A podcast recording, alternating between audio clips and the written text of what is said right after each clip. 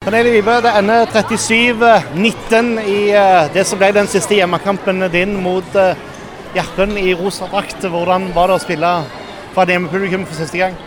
Det var veldig, veldig gøy. Jeg var glad jeg fikk komme ut på banen. Eh, bra, Masse unge som var og så på i dag, som lagde god stemning rundt kampen. Så det var veldig bra. Du fikk spilt noen minutter, og du fikk også satt noen eh, nettkjenninger. Hvordan syns du det var å spille? Nei, Det var gøy.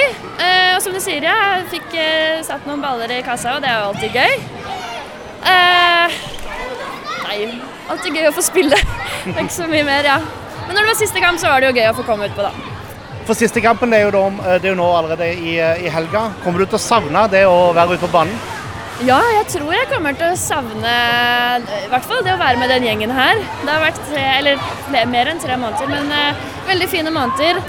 Det har vært kjempegøy å være her i Kristiansand. med Atmosfæren eh, Det er jo veldig oppadstemning eh, både i byen og rundt. Så det har vært veldig gøy å få være med på, være med på det.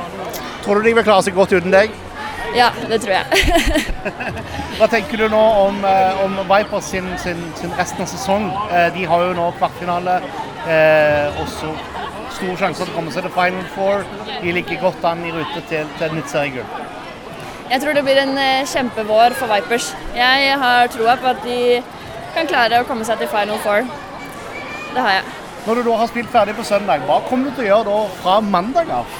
Da skal jeg allerede på skolen og møte hun jeg skriver master med. Så da må vi så komme i gang litt. Vi har vært litt sånn stille på den fronten nå etter jul, så da starter den jobben. Så da, da, er det, da, er det, da er det virkelig tilbake til hverdagen for deg? Da er det tilbake på hverdagen.